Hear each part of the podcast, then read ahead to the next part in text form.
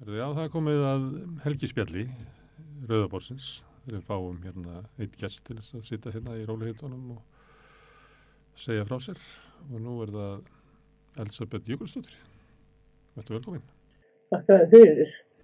Herðu, ég sótti þig á, á sjúkrahótelið nýja áðan.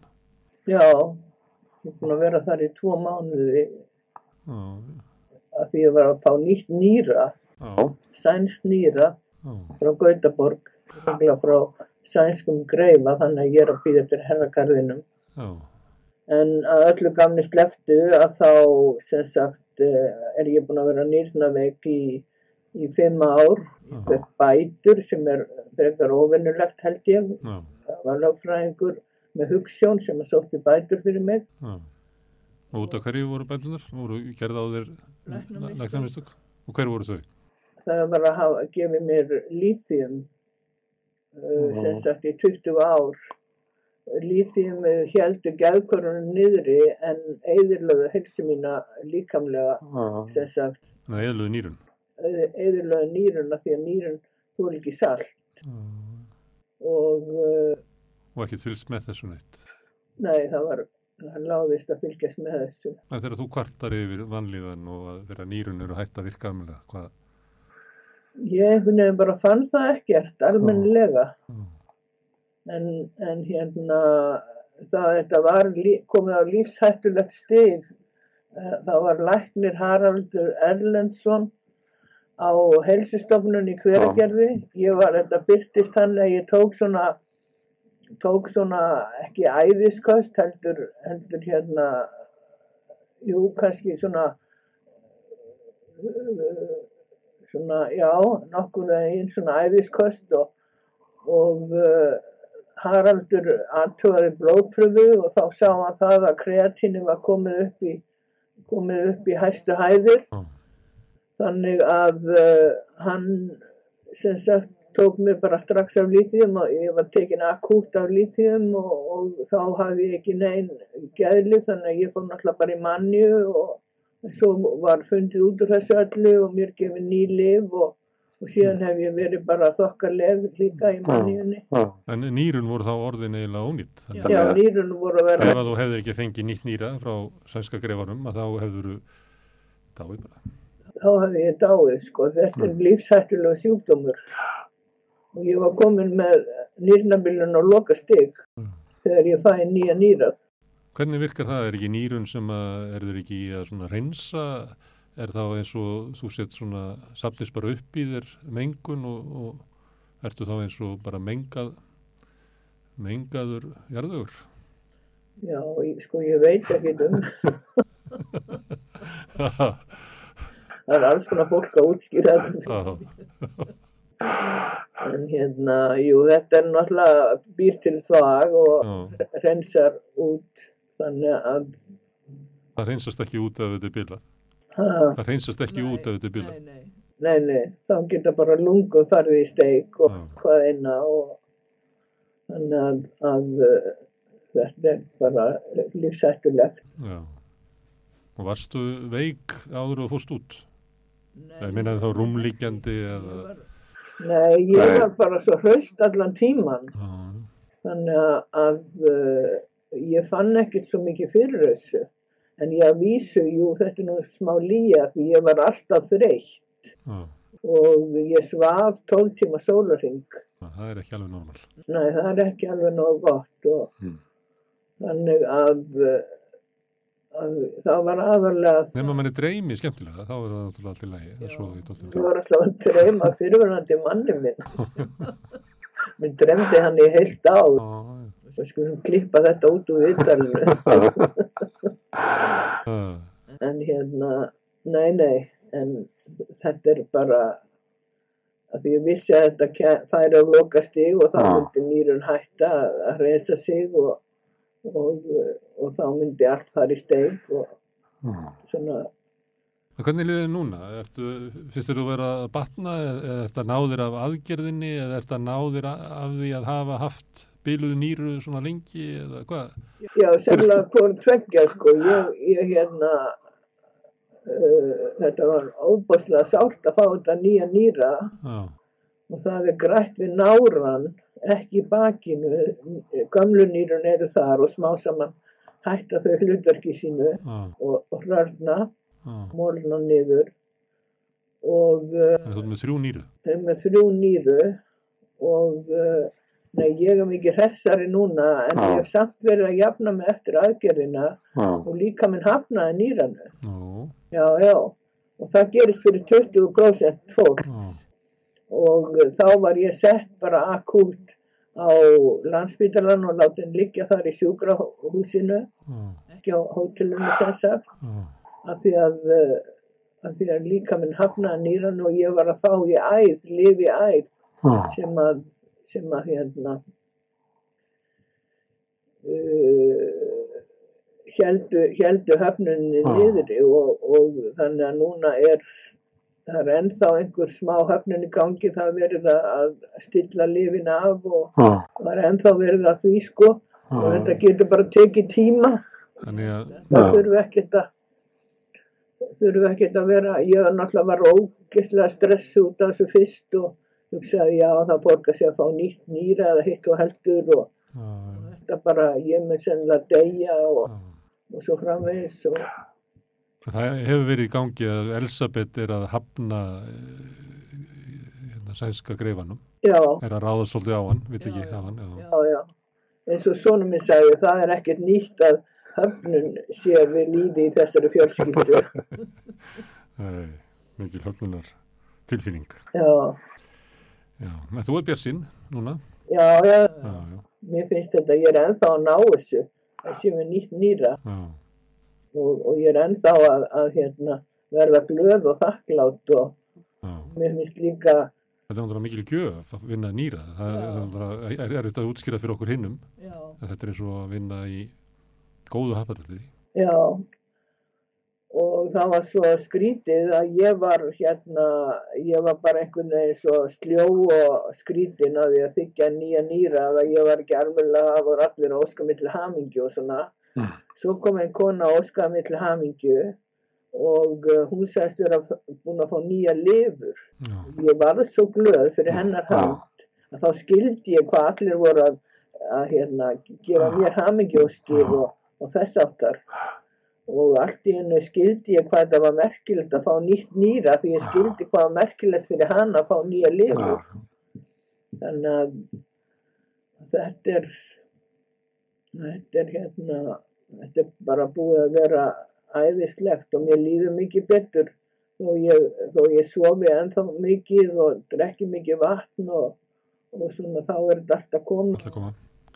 Og gott að vera á hótelinu? Já, það er bara eins og verið í fimmstjörnu, Já, fimmstjörnu hóteli og, og hérna einn hjúkunarfræðingur var að leita að mig. Þú ert búin að vera svo lengi þarna, þú ert orðin eins og ein af starfsfólkinu bara. Og er mánuður, það er fáir sem eru svona lengi þarna.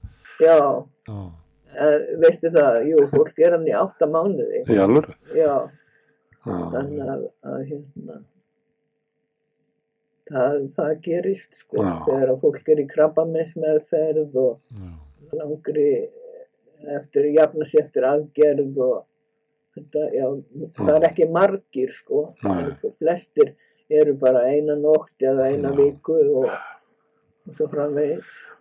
Þetta er, þetta er merkilegt samfélag að vera bara að tala við veikt fólk og, og uh, vera bara að sjá fólk sem að vanta fótinn á eða, eða Mm. er með hendinni falla Mm. eða, og, og við tölum bara um sjúkdóma og, og, uh, og það er ekki að tala um verðbólguna og, við erum ekkert, það er engin verðbólka hjá og uh, þannig að þetta er svolítið, maður langar að skrifa leikrit Já. um þetta svona að því að fólk er svo einhvern veginn, þetta er merkilegt. Merkilegt samfélag að tala bara um sjúkdóma Já. og var nú verið, hörmungar. hafa nú verið búna til sögur og leikrit í einhverju svona umhverfi.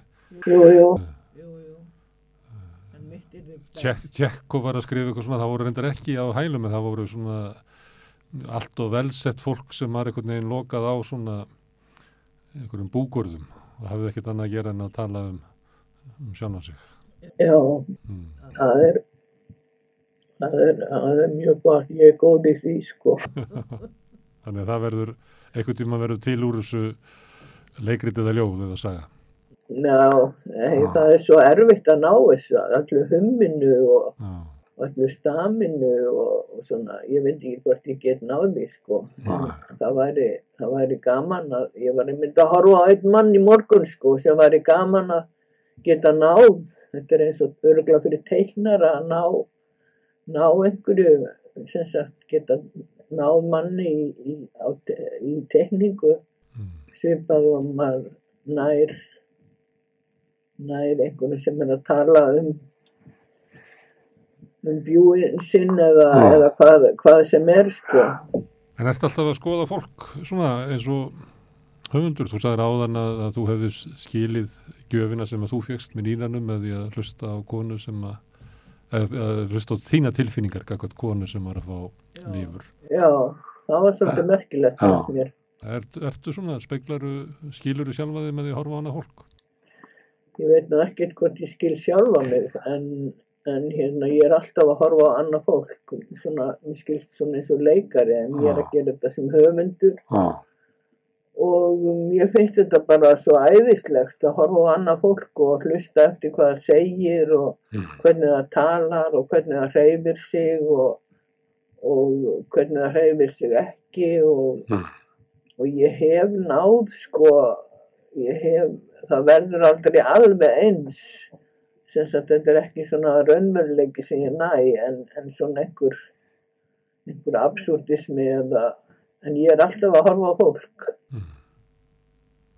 Herðu, Elisabeth, hérna, er ekki að fara í- aftur í eskuna þína? já, Þú ert elst, með þetta fína kaffi hérna Já. þú ert elst af sískinunum. Já. Fáðu fáðu sopa, ekki hérna. Svo á ég eina hálsistur sem er eldri, Já. dóttir pappa já, og tvö yngri hálsiskinni. Já, Þannig að við erum sex í allt, Já. en við erum þrjú sem sagt, uh, Börn fóreldraða þinna. Já, já, og sem að þú ólst upp með. svo Jóhannu, Já, sem þú ólst upp með. já, Þú varst farin að heiman þegar þau yngri komuð ekki?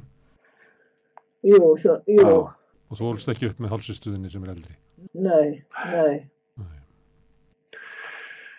Þetta er hérna, hvernig myndur þú lýsa þessu heimili? Var þetta átaka heimili? ég man nú ekki.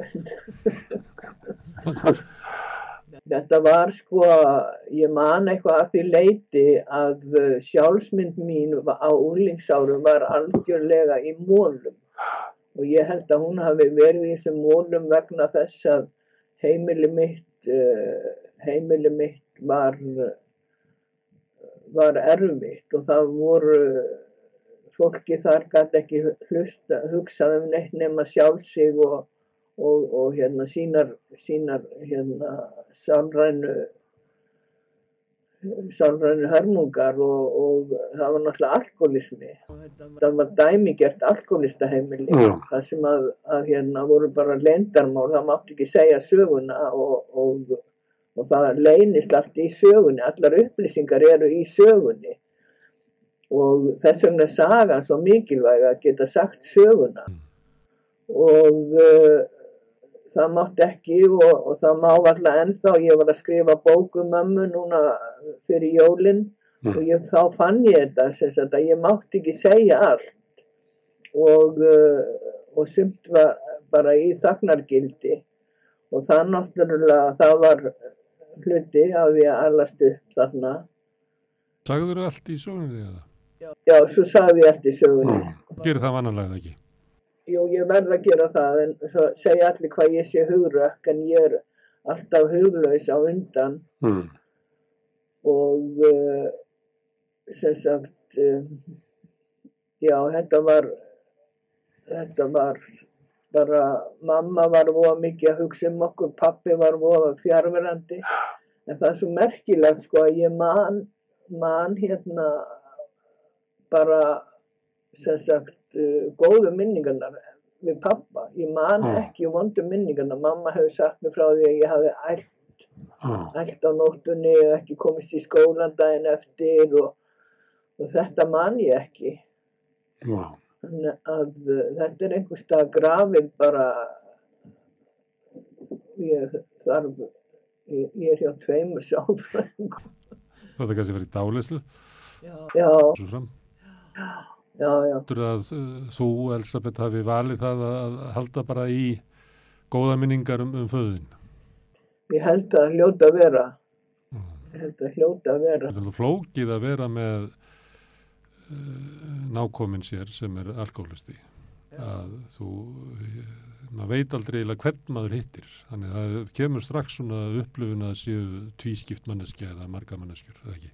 Jú, jú, Og það er þarna, þessi pappi er ekki pappi heldur, skilur það, þessi alien sem að kemur. já, já. Er það ekki?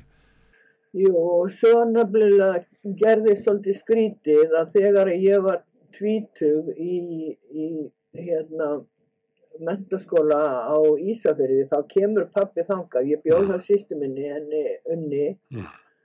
og þá kemur pappi þangað og þá eh, lítur hann ekki á mig, hann talar ekki við mig og hann sem sagt situr í stofunni á kvöldin og ég situr líka og bara held mér í stólbríkina að, að ég, ég trúis ekki að fullarinn maður hægi sér svona Mm. Og það er verið að tala um allt mögulegt og skútuferðir og ferðalög og, og listir og pólitík og allt hvað eina. Og hann horfir aldrei á mig, hann, hann lítur aldrei á mig og þá allt í hennu uppgöta ég. Og ég uppgötaði nú bara sem sagt nýlega á í, í, í fyrra eða hitti fyrra að svona hafi hann hagað sér við mig þegar ég var lítil Mm. hann horfur ekki á mig, hann tekur ekki eftir mér, hann sér mig ekki og ég held náttúrulega bara að ég sé ósynileg.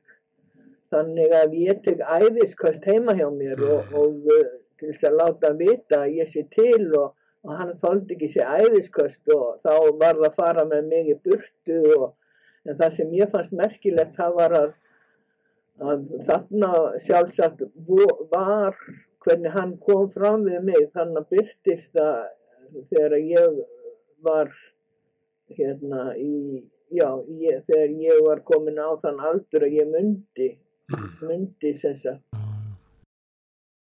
Þú mundir þetta frá því þú varst tvítug en þú mundir ekki hvernig hegðaði sem er sama hætti þú varst yngri. já,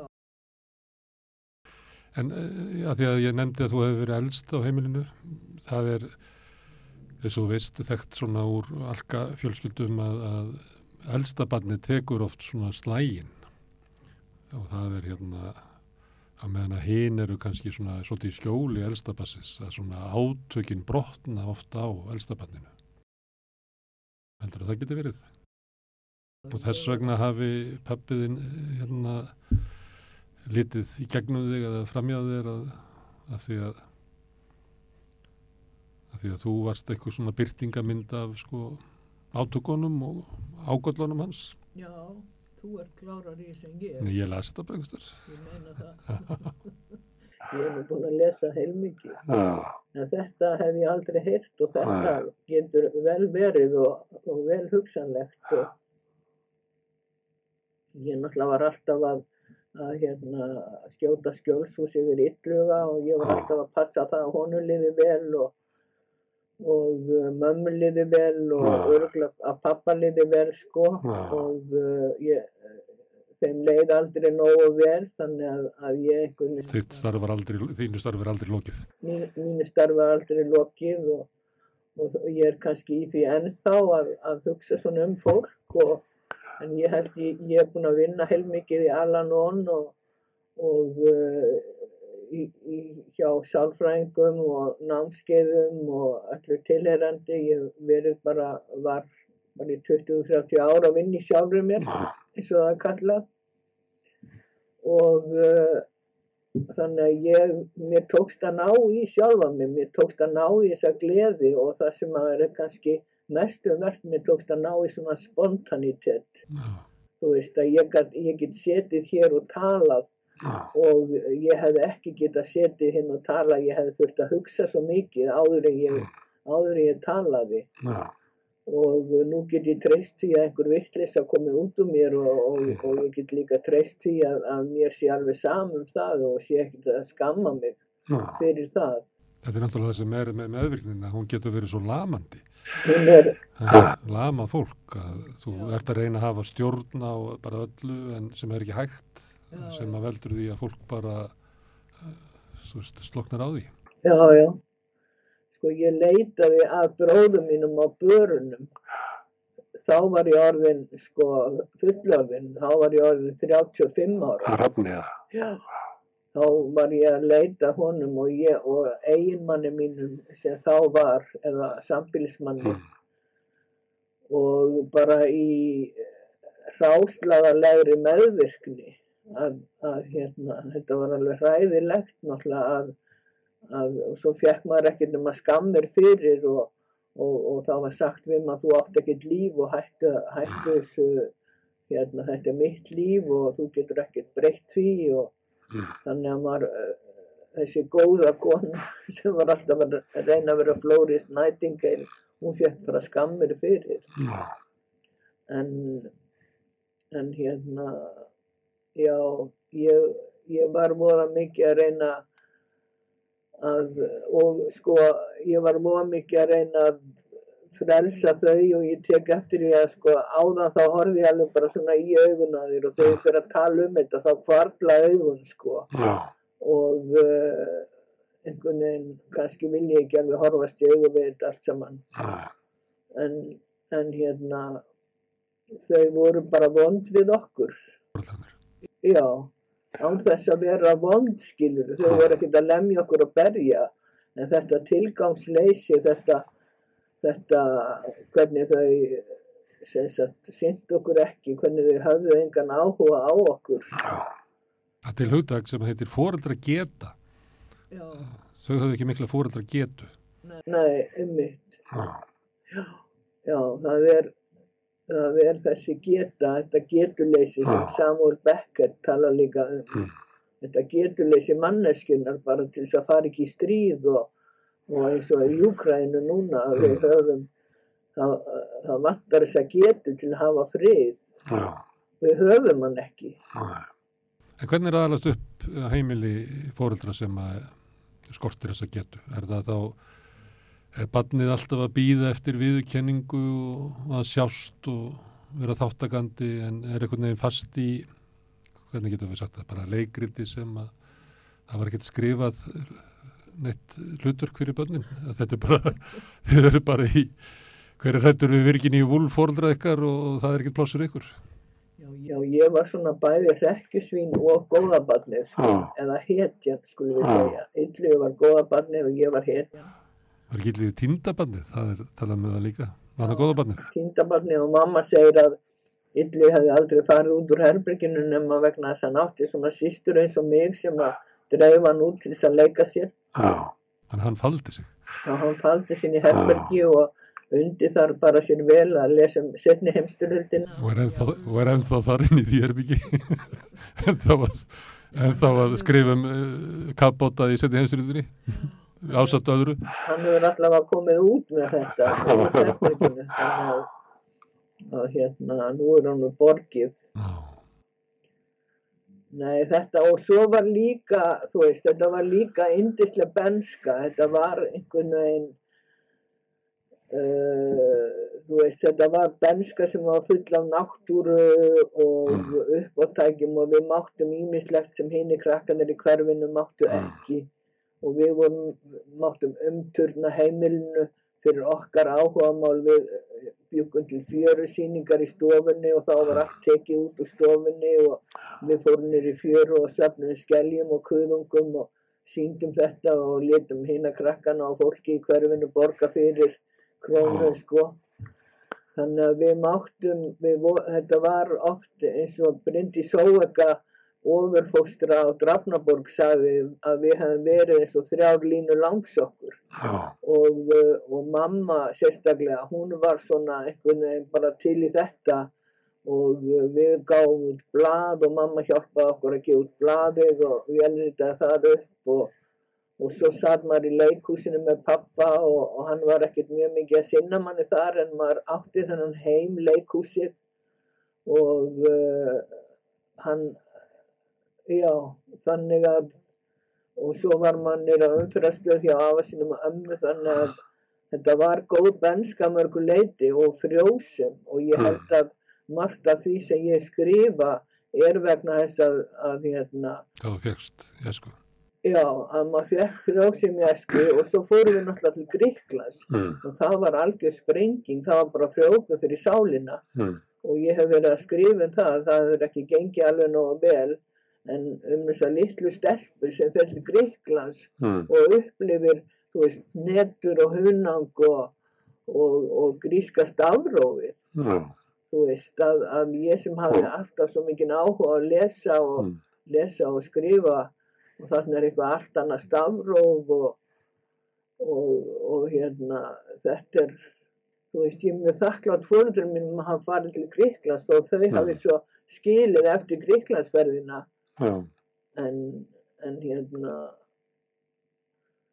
já þannig að maður fekk og hjá af og emmu þau voru alltaf að reyna að bjarga hjónabandi fórundra minna líka. Þau fóru með okkur í, í bíltúra á, á sunnudögum og við kynntist Íslandi og náttúrunni og Mm. gegnum afa minn og hvað allt hétt sko að, að, hérna borgarfjörður hétt borgarfjörður og, og, og svo framvegis sko Þegar börn lesa línu langsók, þá held ég að flest börn vilji vera línu langsókur, en ekki hvað heitur þarna lína og Já, já, Pétur og Anna. Pétur og Anna, svona venjulegu börnin Já, sem að byggu við meira öryggi heima og fleiri Já, reglur og, og hafðu ekki kynst þessu taumlösa ímyndunafli. Já, það var ekki hjá okkur. Við, En- En, uh, myndu, hvort myndu þú vilja eiga æsku eins og lína langsókur eða hvað hétu þau hann Palli og Palli og Anna. já, einhverjum mjög venjulegum nöfnum. Mm. Er það, uh, þú náttúrulega getur ekki valið lengur, þú, þú ert uppkomin lína langsókur. Já, já, ég verð að sætta mig við bensku mína. Já. En er þetta, hvað er það sem að línu vantar? Vantar línu bara, bara ást, öryggi, eða? Já, hann har vantað svolítið bænalíf. Það var kona sem var að byggja fyrir mér um daginn og blessa mig og ég var alveg, ég sagði, finnst þér að, ég, finnst þér að mér vanti bænir? Og já, sagði konan og hélt áfram að blessa mig. Mm. og uh, mér vantar svolítið svona ró og og uh, og hérna öryggi að því leiti að ég, ég fer oft í þann fasa að efast um sjálfa mig en ég til dæmis gerði nektagjörning að horfna fyrir ég veit ekki hvort þú hefur heilt um hann Það var á Facebook, ég sá, ég sá hann á Facebook. já, já. en það er ekta svona lína langsökku þegar hún er stór Já. að þóra þessu Já. og ég þorði þess ekkert, ég bara gerði þetta Já. saman og, uh, og ég hef gert alls konar svona, ég hef gert nektagjörninga áður og mér finnst það þetta er þessi berskjöldun og, uh, og styrkleiki sem felst í nektagjörningi og fyrir utan að maður þarf að útfæra hann einhvern veginn eins og aðra gjörninga. Og það er ekki nóg að standa nakin einhver staðar og gera ekki neitt. Nei. og uh, þannig að, að ég hugsa að það hafi verið lína þegar hún var orðin stór en En lína þegar hún er, hvað mér vantar en en lína þegar hún er tíu ára, hvað vantar í uppeldið hennar?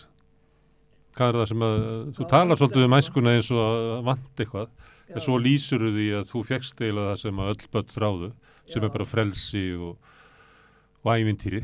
já, já. En hvað er það sem að þig vantaði? það er náttúrulega snertingu ég gæti ekki Já. snert mömmu fyrir henni eftir að hún dó þegar hún Já. lág á dánabeði þú veist, þá snerti hana og, og strauk henni og, og hérna kalla hana þú veist, öllum fallegum nöfnum Mm. Þannig að hvað mér vantaði, mér bara vanta snertingu og faðumlög. Þú veist, ég, ég hérna, það var ekki fyrir ég lærði að faðma þegar ég var ástfangin í fyrsta sinn og mér fannst alveg stór skrítið að samfélagsmaður minn, þá er ég 20 ára, hann var alltaf að snerta mig og faðma mig og mér fannst ég verða svona til einhvern veginn Já. og fyrir utan að mamma var alltaf að skamma mig fyrir hvernig ég væri hún var að dundi yfir mér því líkar skammir þannig að, að ég, Þú varst aldrei nógu góð. ég var aldrei nóg góð og Ylli hefur sagt mér það að hann hann sem var tveimur árum yngri en ég, hann hafi undrast hversu mikið hægt var að skamma eitt barn Mm. og ég ólst upp við þessa mönturu skammastu þín, skammastu þín, skammastu þín Já. og ég skildi alltaf hvað hún þýtti en, en hérna fyrir, ég skildi bara orðin þýttu eitthvað vond og þá var verið að skamma mig og já, ég var aldrei nógu góð og sama, sama hvað ég gerði og sama hvað ég var að hjálpa til og en ég held alltaf áfram sko, já Mm. Okkur er þetta svona, ekki, ekki varstu svona ómúguleg. Nei, ég En varstu eitthvað nefn fyrir fórhundurðinu bara, að það út fyrsta barnið og trublar ást, ástasúgu þeirra með að koma sko, grátandi í heiminn. Sko ég held bara að því núna er ég, núna finnst mér ég vera að tala um einhverja fortíð sem að ekki er að því benskan breytist eftir því sem maður vinnur í sjálfum sér og, og maður sættist við hana og uh, en ég veit það til dæmis að í vöggu þá var ég látin gráta í tvo tíma og mamma hefur sagt mér frá því að hún var hún var sem sagt fekk að vita það að börn áttu að gráta svo þau fengi sterk lungu. Ég er enda með mjög sterk lungu en ég var látin gráta í tvo tíma í vöggunni Mm. og mamma var alein og pabbi var farin ekkert og þau voru ný trúlofur skilur þau þannig að þetta byrjaði náttúrulega ekki vel. Nei. Og ég held að mamma hafi alltaf eða, hafi að einhverju leiti verið aðprísum út í mig fyrir að ég kom þarna á milli þeirra pappa og ég held að hún var sjálf með lélega sjálfsmynd og þessi lélega sjálfsmynd hennar fór yfir á mig. Og, og pappi var náttúrulega nötrandi og skjálfandi og, og, og hérna ef einhver hefur dáður efasendu þá held ég að það hafi verið hann Mm. og, uh, og hérna ég held að sé að degjur kurtisi og degjur efasemdum og, og það allt saman en, en hérna Hvað meinar það að hann hefði dáið efasendur? bara hann efast svo stöðugt um ég lasi þetta í greinum hann eftir Jón Víðar hann, uh, hann hafi verið svo, þjakar að efasemdum og það datt mér ekki hug hann hefur bara dáður efasemdum dáður kurtisi Mm. hann var alltaf að, að reyna að þóknast og, og reyna sem sagt og uh, já, mér fannst einhvern veginn uh, skemmtilegt að geta orðað þetta svona. Þú veist að fólk dægi úr einhverju ég get alveg og ég, þegar ég fæ rosalegar efasemdir að þá hugsa ég já ég geti dáið úr efasemdum eins og, eins og pappi minn sko Mm. Og maður sem sagði hérna við rauðaborðum daginn að að maður er aldrei of gamall til þess að eh, eignast eh, góða æsku. já, Að þú veist að segja að þetta breytist hvernig maður sér æskuna. já, já, Heldur að þú hérna, eigi það eftir að eignast góða æsku þegar þú horfður tilbaka? Eða áttu kannski góða æsku? eins og ég sagði þá finnst mér ég hafa átt góða æsku og ég hugsa já ég er svo frábær í rauninni og uh, ég er svo æðisleg og allt það að það getur ekki annað verið en ég hafi átt líka góða æsku Mm. hvernig sem henni tókst að komast þarna að Mm. vegna þess að, að hérna, og það er ekki bara mín sjálfsvinna heldur en allavega það er líka mín sjálfsvinna að æskan hafi komið fram sko, Ja. og, uh, og hérna ég hugsa ég hef ekkert getað verið svona góð í að skrifa góð í að, að verða ég sjálf góð í að berjast, ég er alltaf að berjast fyrir sjálfur mér, ég er alltaf að segja sömu söguna um, um það hvernig, hvernig æska mér breyttist, hvernig ég barðist stöðugt fyrir að vera ég sjálf Mm. vegna þess að það get ekki verið maður sjálfur, það er náttúrulega einn mesti harmleikur sem til er Ja. og, uh, og þess vegna er ég líka að skrifa um sjálfa mig, ekki bara held ég fyrir sjálfa mig, heldur fyrir lesendu mína. Fyrir þá sem hafa átt svipað æsku, fyrir þá sem hafa, eru þjáðir að meðvirkni, fyrir þjá, þá sem eru alkálistar, fyrir þá Já. sem eru að glíma við uh, gæðraskanir, Já, já, fyrir þá sem hafa verið beittir ofbeldi. já, já, já, já, Ha, já, já. það er, það verið mikið á því, það verið mikið á því lagt, Elisabeth. Já, stundum. Ég, ég held ég líka að ég hafi lagt það á mig sjálf, sko, en þetta er alveg satt vegna þess að, að ég fekk ekkert alltaf viðurkenningu frá mömmu þó ég var orðin fullorðin og byrjuði að skrifa og þegar ég fór að læra að sönga þá tók nú alveg kolvin úr að, að ég hérna skildi vera að læra að söng og það var bara gert grína mér. já, Ég fór að læra söng til þess að geta andað og hvað er merkilegur en öndun og hvað er merkilegur heldur en að syngja. Og hefst aldrei viðkynningu frá mömmuðinni? Jú, jú, jú, jú, jú, jú, jú, jú, þegar ég var orðin stór og, og hérna, hún, hún sagði við mig alveg ótrúlegustu hluti að hérna, og líka, hún sagði, þú varst nú skemmtilegt barn, sagði, mm. þú, þú mátt eiga, eða þú mátt eiga það, ég man ekki hvort hún sagði það, hún sagði, þú varst Mm. skemmtilegt barn og uh, það fannst mér mjög gott hrós að því svo var líka í bókinu minni þar Það er nú ve- verður að segja um Línu að hún er skemmtilegt barn, Línu Já. Þar. já, já, það elska allir línu sko. Já, hún er skemmtileg sko, en hún er náttúrulega valla húsum hæf. nei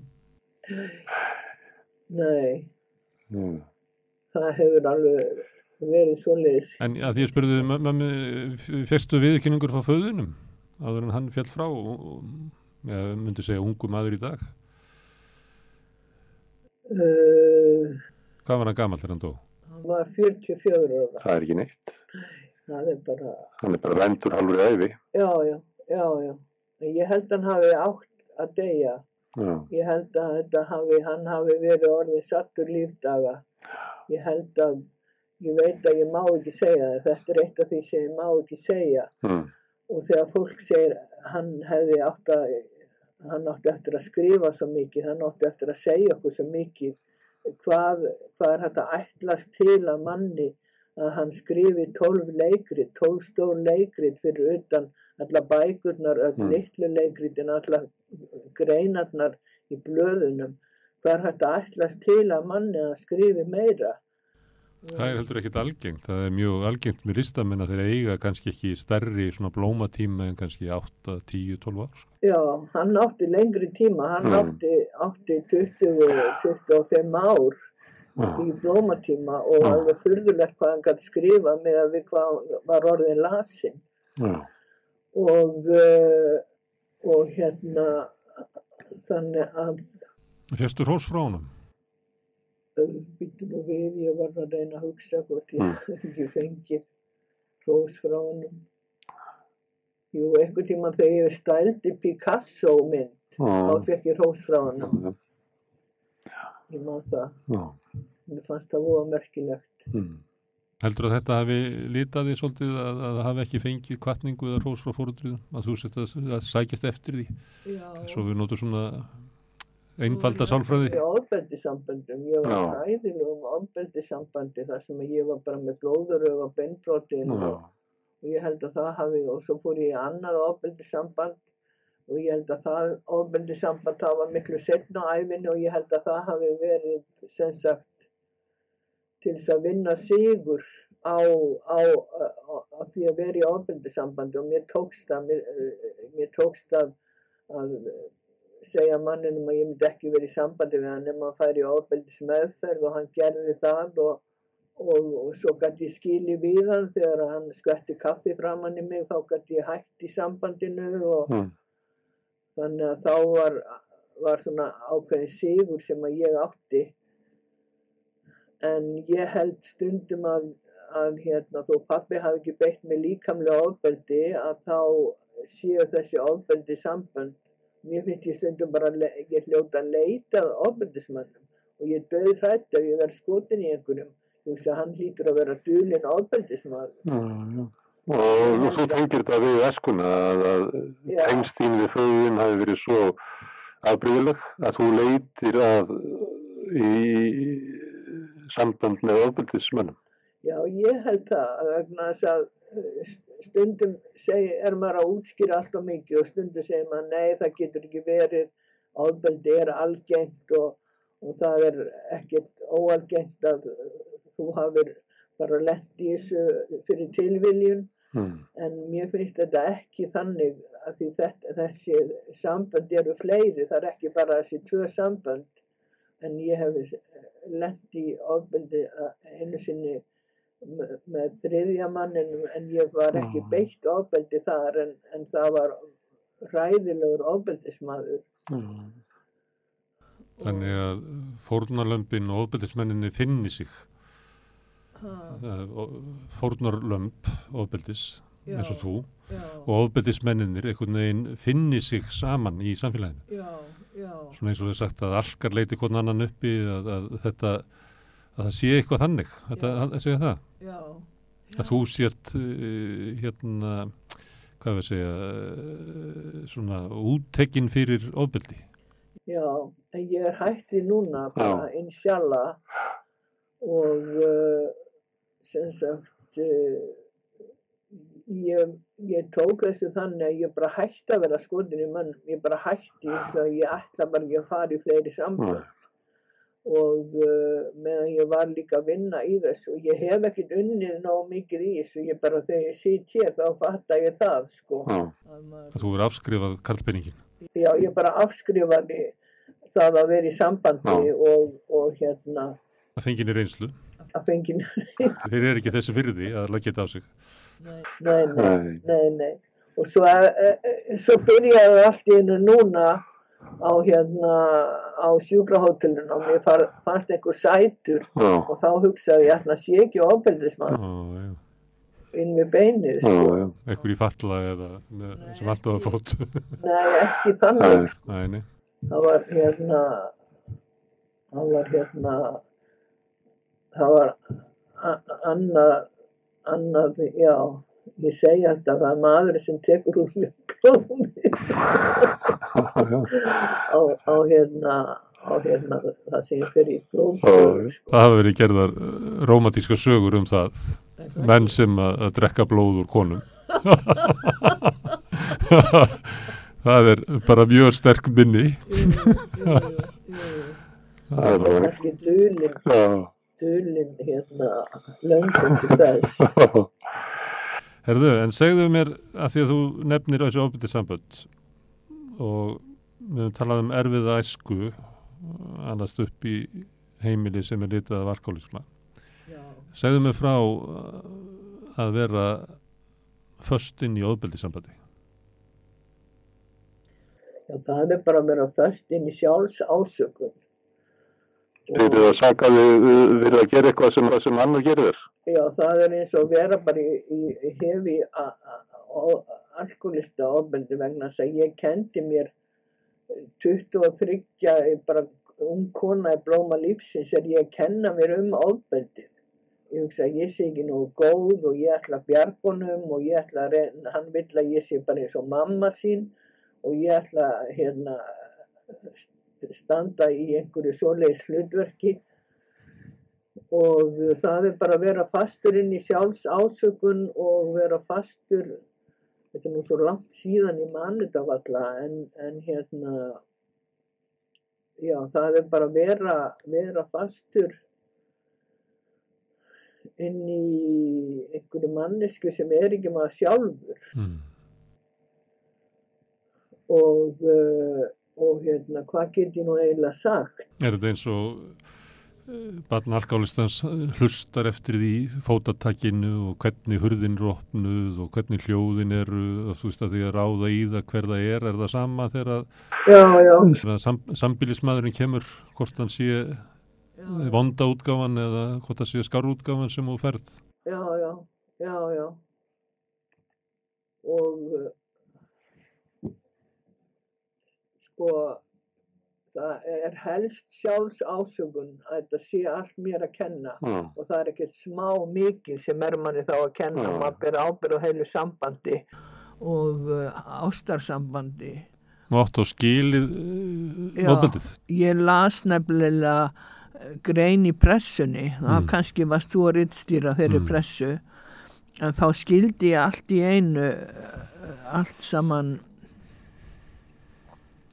þar stóð að, eh, að ég skildi aldrei af hverju ég fór til hans aftur Mm. hann, hann barði mig í klessu og ég fór til hans aftur þá Sem er óskiljanlegt. sem var óskiljanlegt Mm. fyrir mig en, en hérna í greininni las ég þú veist af hverju það gerðist og það er vegna þess að í, í hérna ofbeldinu þegar ofbeldi beitt eh, sérstaklega af sínum sínum ástvinni að þá fær konan tauga áfall og í tauga áfallinu fyrirgefur hún.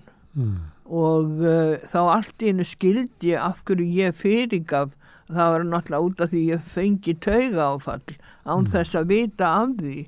En, en hérna eða ekki án þess að ég vissi af því það var bara alveg ræðilegt að upplifa, upplifa þetta. og uh, bara algjörlega skelfilegt.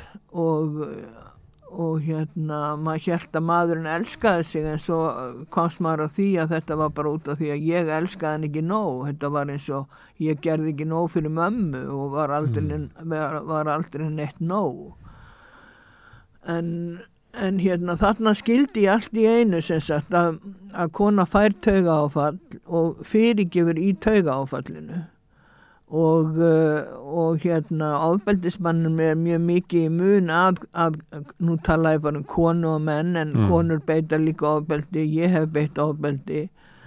Og uh, þannig að sem sagt já, hún, fyr, eða hún eða hann fyrirgefur í, í hérna þessu tauga áfalls ástandi að því þá er einhvern, þá er svo auðvelt að, að hérna eins og bara fanga fórnalampið og, og ofbeldismanninum eða konunni er mjög, mjög mun að fá fyrirgefningu Mm. og ég man að eitthvað tíma sagði maðurinn eða sem sagt sambilsmaður minn hann sagði sko já, ef ekki hafa kynlíf? Mér vil endilega hafa kynlíf þegar ég er búin að vera svona vondu við og mér fannst það þó ógeðslegt skilur, ég gæti ekki ég fjælst ekki á það og, og, og mér fannst að það hefði þá orðið bara gjörsanlega eh, svo sjúklegt að það, það, það ekki einhver tali. Þannig að ég hafði einhvern veginn vita og setja mörkin þar. Mm.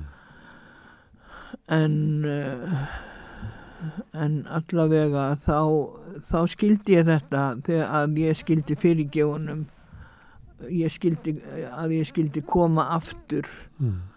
þegar ég las um þetta taugaáfall sem maður fær Mm. Fólk er náttúrulega bara í áfalla, þetta er ekki áfallastreitu röskun, já, já, það skelkist allt. já, já, það skekkist allt og, og hérna taugarna líka minn bara líka minn fer bara í í algjöra klessu og, og hérna taugarnar taugarnar hérna bara eh, sem sagt eðileggjast um stund áður að verða heilbyrðar aftur og Mm. annars veit ég ekki alveg hvað tauga áfall er. Ég er nýbúin að heyra það að ég hafi viðkvæma taugar.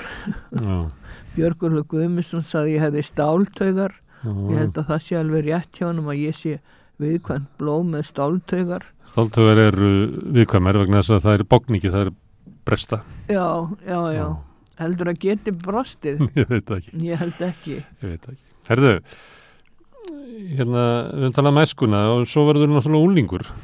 mm. Mm. Og þú og byrjar að... gaman að tala svona lengi Já, við höfum náma tíma. Hérna, uh, þá byrjar að drekka og dópa og... já, já Mm.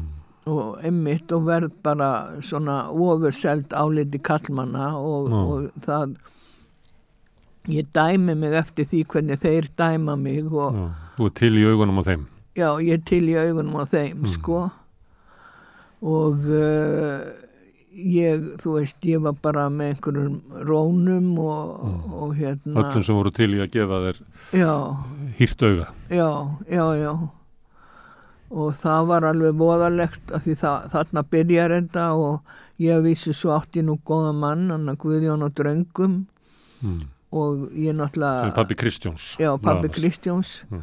en ég náttúrulega skildi við hann að því hann var of góður og, og hérna og fór svo að vera með manni sem var hérna sem var seldi eiturlif og, og beitti með ofbeldi og, en hann líka gerði eitt sem að, að hérna þú veist, hann gaf mér ást og í, í svona fyrstu tvö árin að þau voru yndislega áður en þetta allt sem að byrjaði og hann var alltaf að snerta mig og gefa mér, gefa mér ást og mér fannst ég verða til og Það er nú þurft að snerta þið svolítið mikið ef að þú varst ekki snert all æskuna. Þá, til þess að örfa örfa þig aftur, þá var að snerta það sem mikið ekki jú, þetta er nú, þetta er nú svolítið klúrt hjá þér. Nei, nei, ég er ekki að meina þannig bara að, þú, þetta, þetta hverfur ekki af þér bara við fyrstu snertingu. Nei, nei, nei, nei, Þú þarf að venja þig við að vera snert það tekur já, tíma. já, já, Já, ég, áður en það byrjar að verða eðlilegt. Já, já, ég segi frá því í, í aprilsóla kulda sko, Já, hvað ég, hérna, hvað þetta var dásamlegt að fá snertingu. Já, og það, mér fannst eins og ég yrði allt í einu til. Mm, eins og þetta snertingarleysi það hefði bara látið mann einhvern veginn vera bara líka mann óljósan og Mm. lífmanns allt að maður væri óljós, maður væri í raunin ekki til. Þannig að og ég var þetta var alveg óskaplega góður og romantísku tími þessi tvö ár þarna var ég reyndar orðin tvítug mm, en sem unlingur þá var ég bara ég var svolítið duglega að læra og ég fór í skóla og það var svolítið merkilegt hvað ég fór, vildi alltaf fara í skóla. Mm, að því ég var eins og ég segi Lína Langsokkur og hún fór ekki í skóla en ég laði svolítið kapp á það að menta mig og langar ennþá að taka master mm, og, uh, og hérna því með bjöapróf og uh, en, en hérna þannig að Þú ætti að drekka dópa. En svo, hérna, svo verður þú geðveik eins og hér þá. Já, þá hétt það þá. Já, já, og hvað hvað gerist þá? ég held að hafi gerst sko við það að pappi minn dó Já, og uh, og hérna það var ekki neitt það var ekki neitt hérna pláss fyrir sorgarferli. Og uh, og hérna uh, þannig að uh, farvegurinn sem ég fekk var bara ég varð, ég varð bara kolgeðveik sko. Mm, og ég fór í uh, fór í manju og taldi mig að frelsa heiminn og gekk um í síðun kjól og, og greiti mér ekki og uh, þóði mér ekki og svaf ekki og að því ég var að frelsa heiminn og mátti ekki vera að einhverju svona uh, kvestaslegum aðtöfnum var það bara eins og að vera svona hæ? Nei, ég bara var inn í einhverju æðislegri þjáningu að frelsa Mm. heiminn. Þetta var ekki þetta var ekki gott, þetta var vond Já, eða sko, nei, þetta var í rauninni gott sko, en maður var ekki hæsamt, en, en hérna, fyrst þegar þetta byrjaði, þá var maður í svona, þá var maður hæ, jú, það er rétt hjá þér, að því leiti að maður hérna, uh, þú veist, að Hættir að efast um sjálfa þig ha, og hættir að efast um sjálfa þig, að verður um mig, Það lítur að vera stórkostli breyting með hvernig þú lýsir æskunni og þér Já, já. ungri konu. já, Það já, er losnað við þær byrðar þess að endalisa efa, þannig að þú lítur að svífa bara upp. já, já, ég sveif upp og ég var vissin það að Guð elskaði mig svo mikið Mm. að hann að hann veitti mér ég átt að frelsa heiminn og Já. ég var útvalinn og aðrir ekki. Já, og uh, þannig að uh, já, þetta var svona Guð elskaði mig svo mikið að hann gaf mér he allan heiminn sko, eins og stendur í biblíunni. Og mér, hefur skilist að, að fólki fólki hérna Arabalöndum að það fái þá sé það sagt Allah eða Múhammed sem að, að gefi þetta gefi þessar ránkugmyndir mm. Nei, ég trúði því að ég ætti að frelsa heiminn og, og, og hérna gekk um í gekkum í hérna kjól og, og var að lesa númer, þú veist, vonastræti þýtti von og haðarstígur þýtti uh, blindi ásinni góðatrúni og við gengjum blindandi um heiminn og, mm. og það allt saman. last merking út úr öllu sem sást Já, mm. og fólki í sjónvarpinu var að tala við þig já, já, já, já. Það var einhver tíma var Isabella Allende hérna og hún sagði eitthvað hún sagði, já, hún sagði ég á eftir að hitta einhverja mannesku hér sem segir mér eitthvað mm.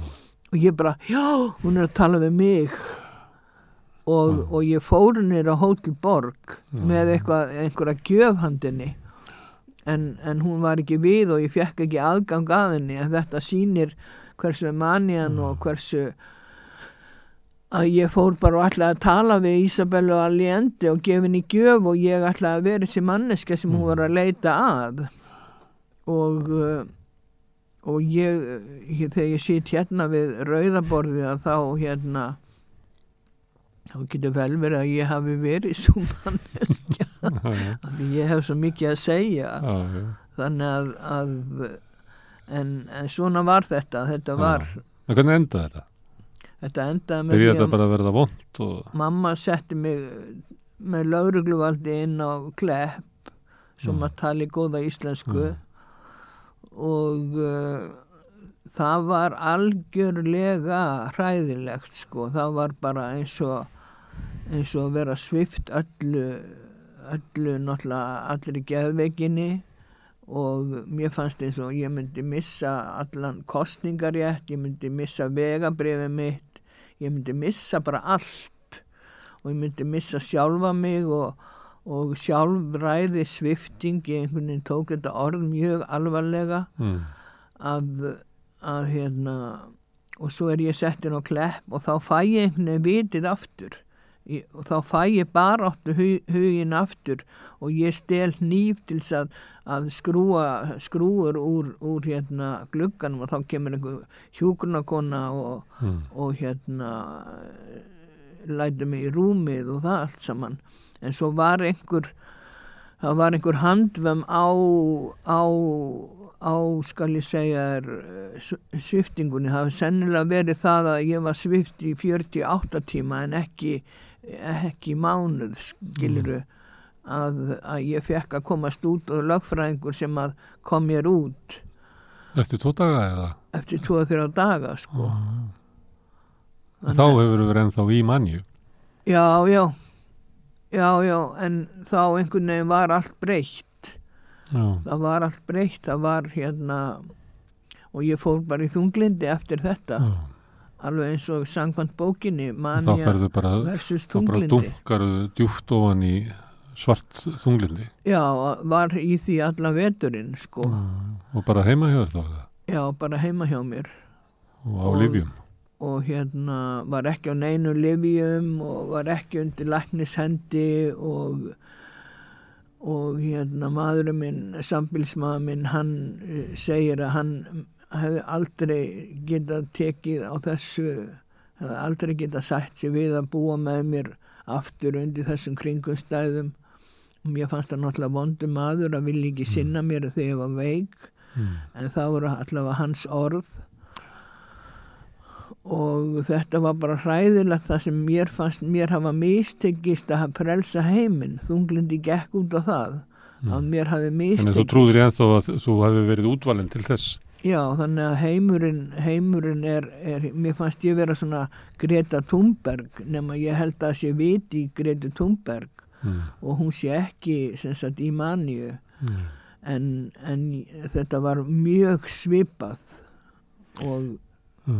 En þú er búin að tala svolítið um svona efasemdur um þig og hérna hver Já. þú ert í, í, samfélaginu að þegar að þetta gerist að þá bætist ofan á að þú ert eiginlega dæmt til að efast um eigin hugsanir, hvort það séu eðlilegar eða sjúklegar og það að vera þú í samfélagi manna já, sem er órug.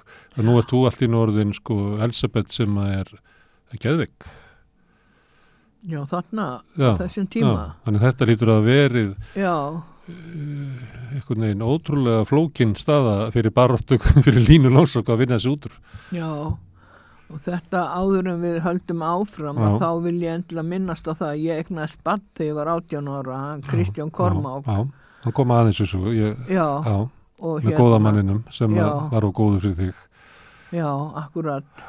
En, en hérna, Kristján er góðu vinur minn í dag og, og uh, algjörlega frábær personuleiki og hann er mjög vinsæll hérna vinsæll í sínu starfin en hann, hann er ekkert að vinna eins og er.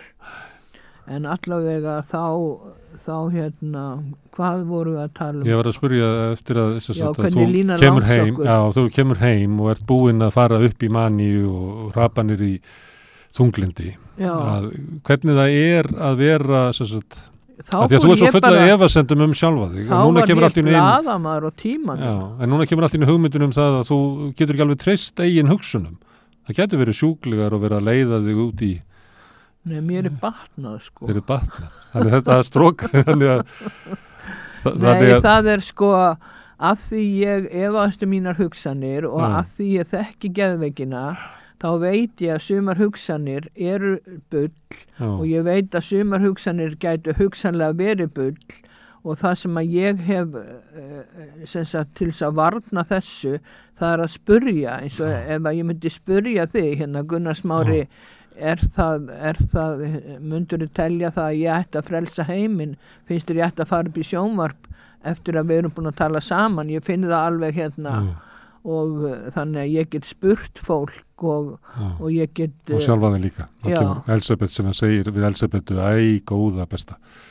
ha, Það er Elisabeth sem að segir við Elisabetu, já, æ, góða besta, þú, þú nærra mikið í þetta aftur. Já, akkur, akkurat Já. og ég get spurt kannski konu í sundlauginni, ég get Já. spurt mann út á, út á hérna, út á, og ég hef gert það, spurt mann út á strætostoppistöð, konu í sundlauginni, bara fólk á förnum vegi Já, að einhverju ránkuminn sem ég hef haft. Já, og bara, ég hugsa, við erum hérna saman á jörðinni og einhver sem að, að hérna, einhver sem er hérna úti á lífinu að hann hlýtur að geta sagt mér eitthvað. Já, og fólk í rauninni það þekkjur oft geðviki, það þekkjur oft allavega svona lausar hugmyndur um það og það veit að þetta er rugl sko þannig að, uh, að hérna og, og ég lít svo á að ég þurfi ekki að fara til sálfræðings og sitja þar í klukkutíma og rekja raunir mínar og, og borgunum 30 skall.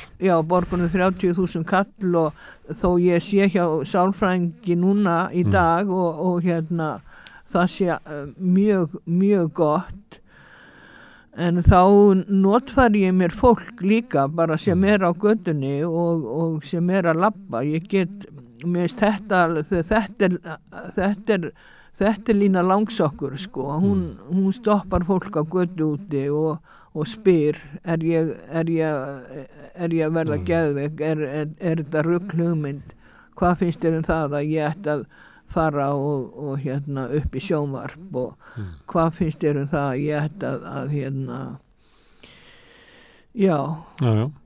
En að þau segir að hérna, fara upp í sjónvarp, þau er búin að segja það tvisar. já, Þú fórst í forstaframbáð. já, já það var, það, ég, hérna, ég var einmitt þá var ég einmitt að spurja sjálfa mig og Já. spurja aðra er að ég forstaframbáð. Verði að, að hérna rappróður minn ringdi í mig og sagði ég ætla að vona, rétt að vona þetta sé grín Já. og uh, og hérna þarna hefði ég getað uh, verið verið hérna með mann í enginni og að, að fara í sjónvarpið í, í fósita frambóði og Þú bjargaði nú alveg þessum umræðu þáttum, sko. Gerði það skemmtilega. já, já, þetta, þetta var bara lína langsokkur eins og hún gæti verið bara heilbrið og, heilbrið og góð af því ég spurði fólk áður eh, fólk sem ég treysti al, ég var svona alveg eins og samkvæmt bókinni sko spurði, finnst þér að finnst þér að ég ætti að fara í fósindaframbóð finnst þér Mm. að ég hefði, hafi eitthvað að segja? Og þannig að ég fekk stuðning frá vinnum mínum og, Mm. og hérna og uh, já og öðrum sem að ég, eins og ég segi hvað heitir hann nú aftur? Ólafur hérna, aðal, aðal hérna, sá sem er alltaf að útskýra pólitíkina hjá Rúf Já, Ólafur Þóttn Harðarsson. Já, Ólafur Þótt, einhvern tíman hitti ég hann á kaffihúsi og spurði hann þannig að það var svona svipað eins og að, að spurja Já, þannig að síðan Já. erum við Ólafur Þótt Harðarsson ægilega góði vinnir við erum ægilega góði vinnir síðan, síðan þá já. ég hitt hann, hann á kaffihúsinu Mm. Hann er skemmtilegur, það er svona eina sem er gaman að hitta. já, Já. já, hann, er, hann var það en fósitaframbóði það var hérna það var til þess að slökku á efasendum um sjálfa mig, það var til þess að vita hvort að ég gæti fundi leiðtóðan í sjálfri mér Mm.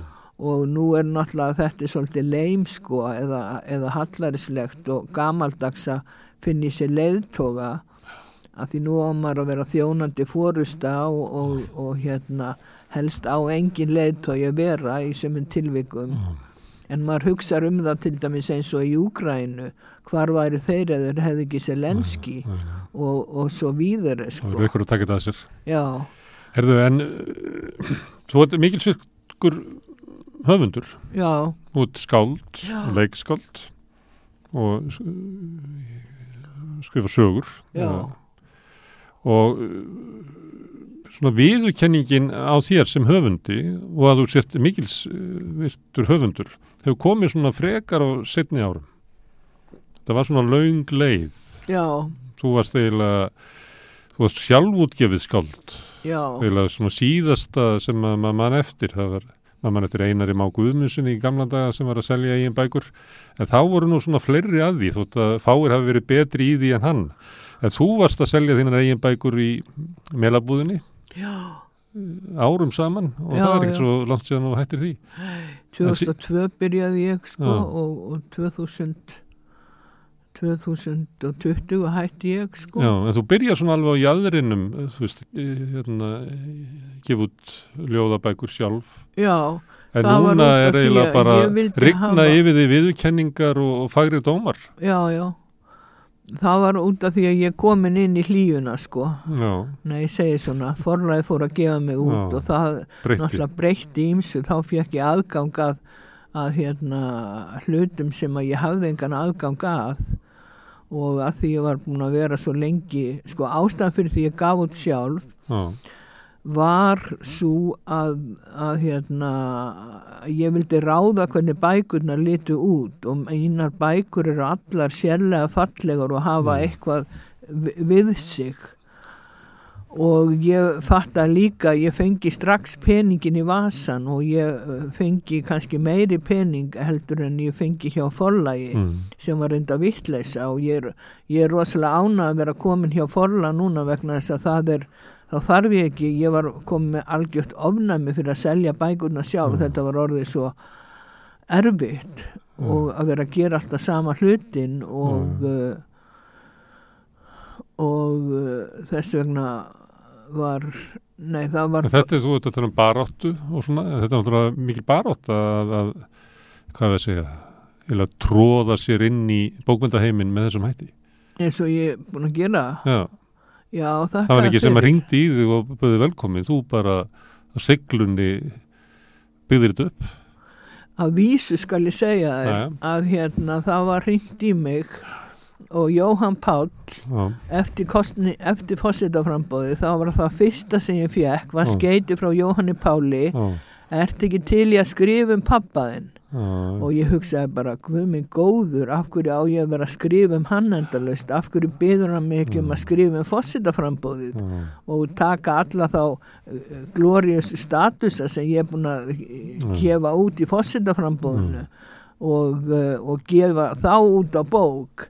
En það sem ég gerði, ég ákvað að hlýða Jóhanni Páli og það ruttust upp, skal ég segja er bara 400 til 600 blaðsíður um pappa minn og alls konar uh, hérna, hann í alls konar hérna já, þetta var bara og svo um, bækur um mömmu, sögur handrit um mömmu, handrit um pappa, handrit um bensku mína og þetta bara ruttist upp eins og heklu gos já, í, í tvö ár og, og ég var að skrifa í tvö ár og Árumann Jakobsson, ég bað hann um að lesa og, því ég sagði mér er nú alveg ekki farið að standa á sama um allt þetta um Jökul Jakobsson. Já, og, og hann sagði sennilega verður þetta þitt opus magnum. Já, og nú er ég búin að skrifa um, um mömmu og tvær, eða þrjár bækur reyndar.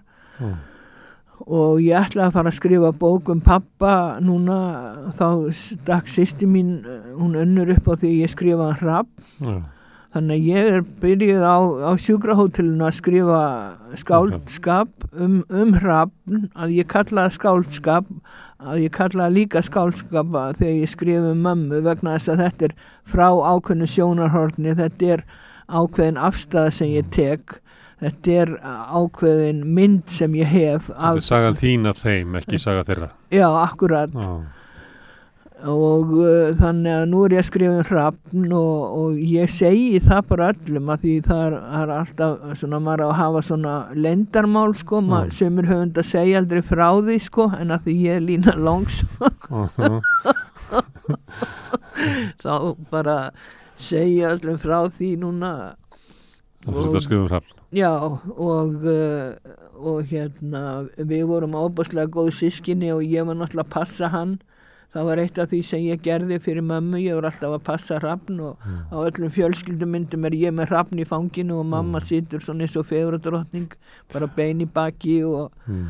og er sætt, menn ég kuldrast með hrafn þannig og sést ekki í mig á fjölskyldumyndum. Þegar ég ætla að spyrja þig um hrafn en að, að því að þú nefndir eh, símdali frá Jóhanni Páli og svo þetta rosalega gós sem Já. kemur að því. Og að því að við erum búin að vera svolítið að tala um viðurkenningu og sjást ekki og allt það er það þannig að eitt símdal frá eh, forleggjara Íslands bara kveikir gós úr, úr loksist er að hérna, einhver kvetur mig áfram og þá bara búm kemur? Já, greinilega. Ég og Jóhann Páll, ég, ha- ég hafði náttúrulega sínt honum handrit og hann hafði aldrei hann hafði aldrei sagt já en svo skrifa hann mér þetta og mér fannst það bara mjög merkilegt og og það var einhvern veginn ekki bara eitt símtal frá fórlegjara Íslands heldur, mér fannst hann bara hafa trú á mér og, og mér fannst þetta, mér fannst hann ansi góður. Og uh, en í- mér fannst náttúrulega ég gaggrindan svolítið bara svona í, í, í mínu eigin hjarta. Af hverju hann baði mig ekki um að skrifa um já. hér er kona hér er kona sem býður sér fram á móti öllum þessum köllum Já. og, hún er með mjög sérstakt erindi Já, já. sem að fólk uh, sem að uh, allir uh, taka undir þó þeir kjósi mig ekki að því það, ég hitti fólk sem sagði þú varst lang skemmtilegust þú varst lang best og ég sagði þá hlýtur að hafa kosið mig Ég var, og þakkaði fyrir og skuldaði þér koss á kinnina sko. En hérna nei, en, en þá fólk sagði þú var svo skemmtileg og ég sagði þá hlýtur að hafa kosið mig en, en hérna þá sagði fólk nei, ég kaus nú reyndar þennan eða hinn mm. þannig að, að hérna, ég var svolítið að stríða, stríða fólki með það en ég var rosalega ánað með þetta fósita frambóð sko, ég, Mm. já, En þá er viðbröðnur þau að er, konan er beðin að skrifa bóku pappa sinn. já, það er bara Það er svolítið eftir kollunum. já, Mm. já og, og hérna ég var fyrst svolítið reið sko og hérna og ég fór að hugsa um manni sem var skotin í þá og sem var náttúrulega ekkert skotin í mér en, en er mjög góð vinnu minn og hérna byrju nú sagði ég svo mikið að ég ætlaði ekki að segja neitt en, Mm. en hérna nú misti ég málið mm. ég missi stundum málið sko ég er ekki alltaf alveg nei, en hérna, já, ég það núna. Segjum bara hann hafi heiti Sigurður og uh, ég, sa, ég uh, var að hugsa um að skrifa Jóhanni Páli. Já, núna heiti pappi mig Sigurður. Má ég skrifa um Sigurð?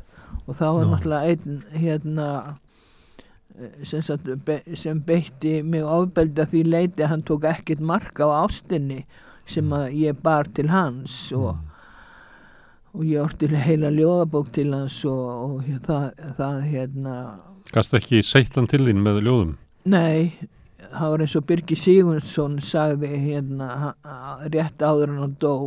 Eh, hann sagði ef þú ert hrifin af manninu þá skuldu móka í hann ljóðum. Og hérna ég, ég þorði aldrei að sína honum alla, alla ljóðabókina þannig að þetta er ég þor ekkit öllu sko. Mm. Herðu, ég er og huglaus líka. Já, þú ert að skrifa bókur Hrafn. Hann hérna fjall frá fyrir aldur fram. Já, uh, var sérstakum maður. Mm, og ábyrða verið flóki mál að vera hrafn. Mikil svona átök og stundum bakslagangur og, og hann var í maníu hálgerari í síðustu árin. Já, já. Ég held að enginn hafi getað rafn sko, hann fór alltaf alla leið. Já, þegar hann stopnaði hrókin þá fór hann alla leið og frelsaði Grænland og, og frelsaði Ísland uh, fór í hvern einasta skóla og teldi skák og, og hérna hann fór alltaf alla leið þannig að það má segja að í manjunni hafa hann farið alla leið. Hann, hann tók, ég hef ekki vita neitt að því nú þekki ég manju sjálf. Og ég hef farið oftar í manju heldur en þessa hann að mm, uh, sem ég var að segja frá Já. þegar ég var tvítug sko. Ég fór aftur í uh, svona lífsættulega manju en, en rafn en þær hættu eftir svona þrjá mánuði og svo komu þær aftur kannski og voru þá aftur í nokkra vikur eða mánuði en rafn blessu sér minning hans sko að hann var hann var í manju ég hef aldrei vita neitt sem var jafn lengi í manju eins og hann. Hann síðustu árin það var bara þrjú eða eitthvað, eða hvað? óðslegt í, já, ég hugsa það sko. Já. Og það þarf óðbóðslegt þreg til að vera í maníu. Þetta er, þetta er hérna sjúkdómur sem spænir upp Já. persónuleikan spænir upp líkamlegt ástand og uh, en það var hann bara uh, tálkaður algjörlega. hann var bara algjörlega tálkaður síðustu það er það, það er það sem að, að spænast upp og vera tálkaður það er náttúrulega sama orðið sko, þakkaði fyrir en, en hérna en hérna hann, hann, hann, hann fer inn, á- hann eh, fer inn á geðdild og kemur út eiginlega bara í sama ástandi. Já, ég, ég er búin að vera í ykkur baráttinn og geðdildin um að hafna allri meðferð og já, já. vill ekki fara úr mafníunni og kemst einhvern veginn út á geðdildinni í manju já, já, já, já, já, hún er náttúrulega tókst allt sem hann sem hann datt í hug. Nei, nei, en hérna, nei, hann bara, þetta var þannig að hann tók ekki meðferð og eða, eins og maður segir, hann vildi, vildi ekki meðferðina og húnum tekst að komast út og er þá jafn veikur og, og hann, þegar hann fór inn. Eða með geðræna áskorun sem heitir Já. núna og ég er búin að hugsa mjög mikið um sko hvaða geðræna áskorun er þetta að því ég lít svo á að þetta sé í mínu tilviki og þá tala ég fyrir sjálfa mig að þetta sé sjúkdómur mm. lífshættulegu sjúkdómur og ég á marga vini sem hafa tekið lífsitt Mm. að því þeir eh, þjáðust af þessum sjúkdómi og ég á marga vini sem hafa veikst af krabbamenni og, uh, og hrapp til dæmis hann talaði við einhvern lækni mörgum mánuðum áður en hann veiktist af, hann var greindu með krabbamenn, hann spurði það er eitthvað í hálsinum á mér. Mm. hvað getur það verið? Og læknirinn hérna gaf honum bara geðlif eða, eða sagði þetta er, þetta er ekki neitt og þetta jafnar sig og eitthvað álíka. Þannig að það er ekki tekið mark á fólki með geðsjúkdóma og það er alveg skelfilegt þannig að, að hérna, þarna ef að, að krabbamenni hefði uppgötast fyrr þá hefði hann kannski fengið einhvern lengri tíma. Það leiði náttúrulega mjög skammu tími frá því að þetta greindist og þá til hann bara dáinn. Já, já, var bara, nokkri mánuður já, það eru fár mánuður Já, örfáir eiginlega bara tveir mánuður. en þetta var illa barnið sem að þú helst á á Já, já, já, já, ég var alltaf að passa hrapp. Mm. Og uh, hrappn var svona gleðigjafin í fjölskyldinu þegar Já. hann fættist og hann fættist bara brosandi og glaður Mm. og síðan verður hann það, var, það var lína stríðsstúlkan þú Já. eh, síðan týndi ílugi og svo, svo kemur gleðigjafin kemur sem allir elska. já, sem allir elska Já. Engin átök, það eru hrappfæri ást sískina sinna og fóröldra sinna. Nei, Nei. nei, hann er bara, hann verður svo þjakaður að hrafna, það er engur lægi líkt Já. og þegar hann er 11 ára þá kemur hann í sveit að draungum og Anna Jakobína sem hafði átt 14 börn og hugsaði um fleiri börn að hún sagðist aldrei hafa séð jafn þjakað barn eins og hrafn Já. og ég held að þetta náttúrulega var hann átti engan pappa við áttum samt eins og mamma sagði við áttum uh, þó allavega einhvern skrítin pappa Mm. en hrafn átti engan pappa Mm. og, og mamma var, var bara líka orðið þreytt og hún var að vinna fyrir okkur uh, sem sagt á mokkanum og þurfti að vinna mjög mikið til þess að sjá fyrir þremu börnum og svo fjórða barninu og, uh, og hérna þannig að en Hrafn held ég hafi ekki fengið neina ást uh, náttúrulega frá mömmu. Þetta er náttúrulega erfitt að segja þetta því að hann var líka mömmustrákur. Mm. og þau áttu mjög margt sameilegt þau sátu á kvöldin og, og, og töluðu það hvernig þau gætu gert heiminn betri. Hvernig þau gætu safna nógu mörgum miljónum fyrir UNICEF Mm. og, og Jemen og, og Sýrland og allt þetta Mm. og, og það er alveg skrítið að, það, að ímynda sér að svona samband að þarna hafið þau setið og, og, og hérna hún tóks nú aldrei að koma með mig til Grænlands, hann reyndi mikið að gera það en, en það var svona, já þarna hafa þau setið en Rapp varð náttúrulega þjakaður og hann bar alltaf einhvern harm í brjósti sem að sé dramatískur Mm. og þarna held ég að hans flækjur hafi byrjað að hann, en sko hann, Hrafn var alltaf glaður fólk uh, sko þó hann hafi verið skjálfandi og nötrandi og erfiður og, uh, og hérna hún hafi drukkið og það allt saman sem er innifallið í því að uh, þá var hann alltaf glaður og hann var kátur og hann var fyndin og hann mist aldrei húmórin Svona Og lífslogin í honum var stór. Já, lífslögin í honum maður sá stór. hann aldrei það sem að var bara eitthvað skar á, á kertinu sko. Nei, Það og var þegar ég kvartan, kvartan í síðasta sinn og ég var síðasta manneskjan sem hann kvatti fyrir utan eiginkonu sína, Mm. að þá var hann brattur. Mm. Þú veist, hann var ekkert að kvenka sér, Mm. hann spurði bara frétta og hann sagði þú lítur vel út og, Mm. og hvað er í fréttum? Og, og, og hann eins og þeir segja hann, á, hann var á sjúkrahótelinu og nætuverðinir, ég hitti nætuverðina fyrir tilviljun núna í fyrradag og, og ég segi já þið hafið vantilega hitt rafn.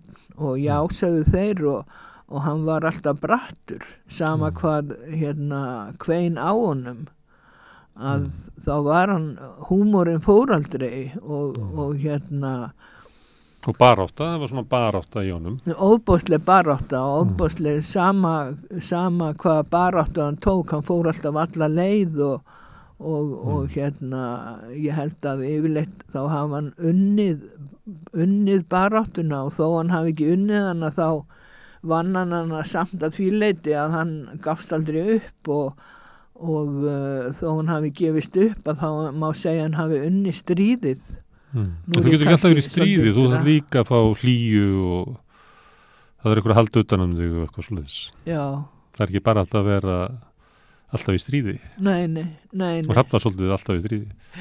Já, já. En hann átti líka góðar konur sem að kannski pössið upp á hann stundum. Já, margar konur. Já, já, maður verður að eiga margar konur í stríðinu. Þess vegna hef ég ekki alltaf unnið öll stríð, sko. Já. Já. Mm. Talandi um svona baráttur, uh, mammaðin uh, komið við sögu hérna. Já, og hún uh, stóð í baráttu hérna heitlaðist af uh, arabíska heiminum já, já, og sapnaði peningum fyrir konur í arabaheiminum. já, já, börn.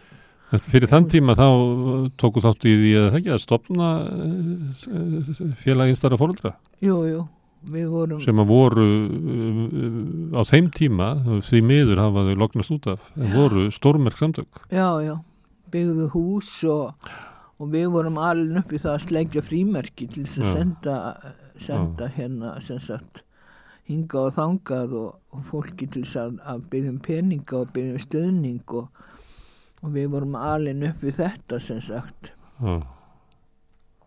Þannig það var bara átt að í móðinni. Já, hún var mikil baráttu kona og ég veit ekki, ég held að hún hafi bara fengið það frá, ég veit ekki, hún, hún talaði nú oft um að hún ætti ekki, að fóreldra hennar hefði verið erfiðir henni en þau voru náttúrulega algjör, algjört sóma fólk eins og maður segir Mm. og, og, og hérna mamma kom úr góðum jarðvegi þó að líka þar hafi verið, það er allstaðar eitthvað sem maður má betur fara en, en hérna hún kemur upp úr góðum jarðvegi og hún er svona ofbóðslega baráttu kona að, að hérna að síðan þegar að hún fer úr félagi einstara fórildra hún stopnaði skóla fyrir stelpur í Jemen Mm. sem er náttúrulega bara ótrúlegt Já. að hún skulle hafa gert og uh, og hérna En þú, varst að lýsa pappæri máðan þá var eins og verið að lýsa ykkur sem hefði hætt að berjast og dáið af efasendum. Já, ég held allir hann hafi ekki verið bara baráttu maður líka að berjast fyrir því að geta skrifað og vegna þess að stundum bara getur maður ekki skrifað og, og ég til dæmis að því núna er ég að skrifa hrafn og ég var nýbúin að fá nýra og, og það er ekkert hægt að segja að maður sé á sjúkrahóteli og geti skrifað og ég er búin að senda þetta til forlagsins og þeir segja þetta er fínt og halda áfram með þetta Mm. Þannig að, að hérna, það er það er alls konar barátta sem við stöndum í og ég einhvern tíma skrifaði niður allar baráttur sem ég hafi staðið í og, og síndi þetta uh, manni uh, hjúkunarfræðingi á helsistofnun og þá sagði hann þessi fleigu orð við erum öll að berjast Mm. Og, og hérna stundum berst maður í sjónvarpinu eða ofinberlega en stund, eh, fólk er alltaf á alltaf í sinni baráttu. Já, og mér finnst þetta svolítið gott að því ég var komin hérna með með það að, ég væri að berjast og, og aðrir stæðu ekki jafn mikið til baráttu. En, en við megum vita það að við erum öll að berjast og við höfum sigur, við ölum upp bönn og, og, og hérna við eldum hafragraut og, og, og það allt saman. Bókin um hrafn verður þetta eh, sjöbindi eins og Jóhann Kristoffer. já,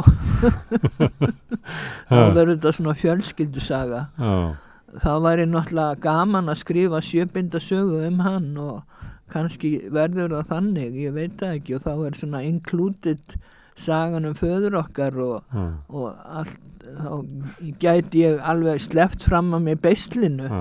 Hrafn er náttúrulega persóna í svona, eh, þetta ekki á miðaldur svona skálkasaga. Hann ferðaðist um og hérna átti samskipti við uh, æðstu menn þjóðarinnar og, og hérna þá sem að voru veikastir og allt þar á milli sko. Þannig að uh, ef að, maður myndi ferðast með hrafnu um íslensk samfélag þá myndi maður kynast íslensku samfélagi frá öllum hliðum.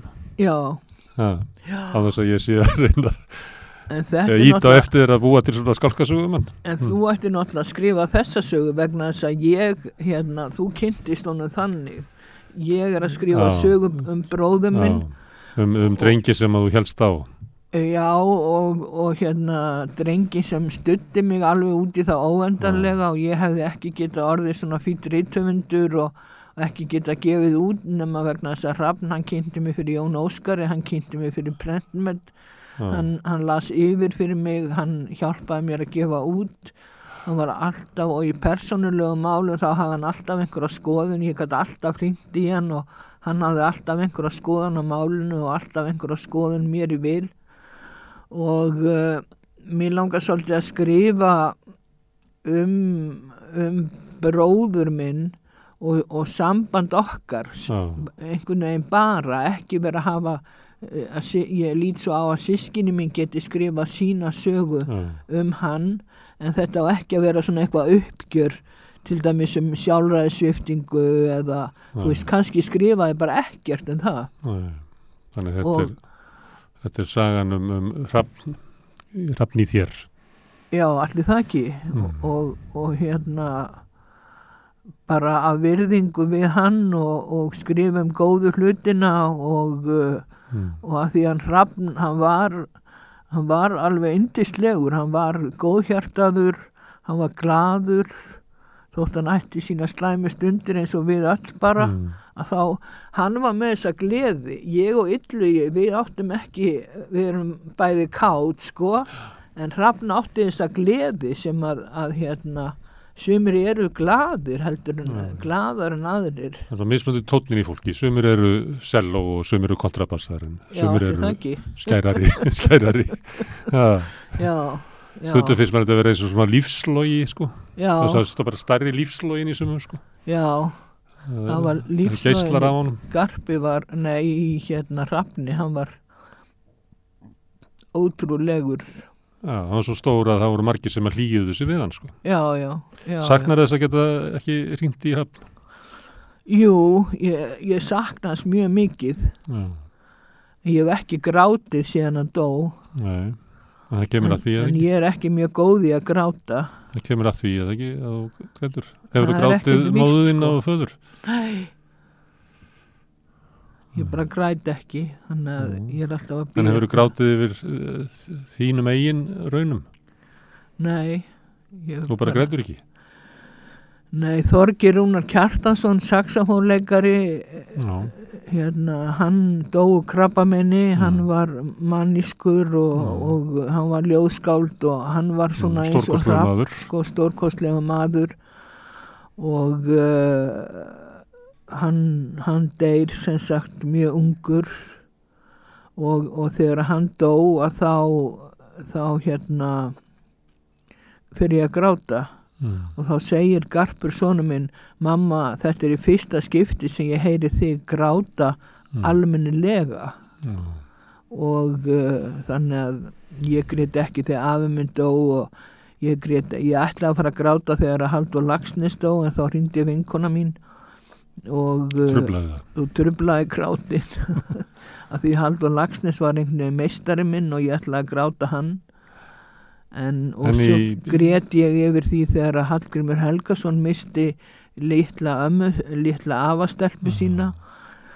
Þannig að mér fannst það svo sorglegt og að litla barni fengi ekki að lifa og, og ég þekkti ekkert þetta barn. En það bara kannski var, kannski var ég að gráta litla barnið í mér því ég finn að uh, þó við séum hinn í viðtali þá á ég samt svona erfitt með að leggja mig á borði og segja já ég átti Mm. rosalega bátt þetta var ofsalega erfitt þetta var mikil þjáning og, uh, og uh, það var það það var það var hérna bara að maður skildi komast lifandi út úr þessu Mm. og án þess að vera eðilagur andlega og maður var náttúrulega eðilagur andlega vegna þess að, að, að ég verð geðveg þegar pappi minn deyr mm. og, og hérna þannig að og maður átti enga sjálfsmynd sjálfsmyndin var í mólum og maður elskaði bara menn sem voru vondir við mig Mm. og þannig að þannig að þetta var náttúrulega og mamma hún í bókinni minni ég ekki hvort þú hefur lesið hana þá er kaplið um það þegar hún sagði þú ert svo ljót og leiðinleg Elisabeth Mm. og þetta var alveg á tímabili og ég satt undir þessu Mm. og, uh, og hérna þannig Þú tókst þetta sem vega nesti út í lífið já, já, mm. og uh, nei, en, en, en Hrafn allavega, þess ég man ekki hvað við vorum að tala um á undan þessu en hann var svona gladur og hann, hann var gladur þegar hann var lítill og hann var gladur þegar hann fullorðnaðist. Og hann var svona, sumt fólk hefur þessa gleði í sér sumt fólk hefur dramatík í sér og það er ekkit verra eða betra. En, en hérna það, ég hef alveg séð þetta í fjölskyldum sko, sumir eru kátir. Það skrifaði eiginlega of lítið ekki? Jú, hann var svo, hann var þjáðist af efa sem Já, fekk það frá föðu sinum hann er með heilt, það er heilt handrið sem liggur eftir hann Já, og hann vildi ekki gefa það út af því að hún fannst það ekki nógu gott. Já, og þetta er stórkostlegt ljóða handrið mm. svo ég segi það nú bara og það er geimt hjá, hjá forlæginu og ég vona að Egil hafi tekið það með sér þegar hann fór eða skilið það eftir. Já. en Rapp var mjög gott ljóðskáld en hann var óbústlega krítiskur á sjálfan sig. En hann var með hennan fína tón Mm. sem að, að, að hérna engin annar hafði og og uh, já. Mm. Nei, Elisabeth, heyrðu, er það ekki? Þú þurft að fara aftur á, á hælið. Já, sjúkra með, með hóteli nýra þitt. já, Þetta er á þreytt, þau eru þrek til þess að sitja svona lengi og tala. já, mér finnst það bara rosalega gaman að tala um Já. sjálfa mig og, og hérna og tala um það sem ég þykir væntum og, og ég geti alveg setið hérna bara heil lengi og talað um í skáldskap og hvað ég sé að skrifum og, og hérna vini mína og vináttuna og uh, edrúmensku og hvað get ég talað um fleira þannig að ég verði eiginlega að koma aftur. Já, við seg, kallum þetta hérna Elisabeth Jökulsdóttir part 1 já, þetta viðtal svo sjáum við setna ok, okay. takk fyrir að koma hengan já, takk fyrir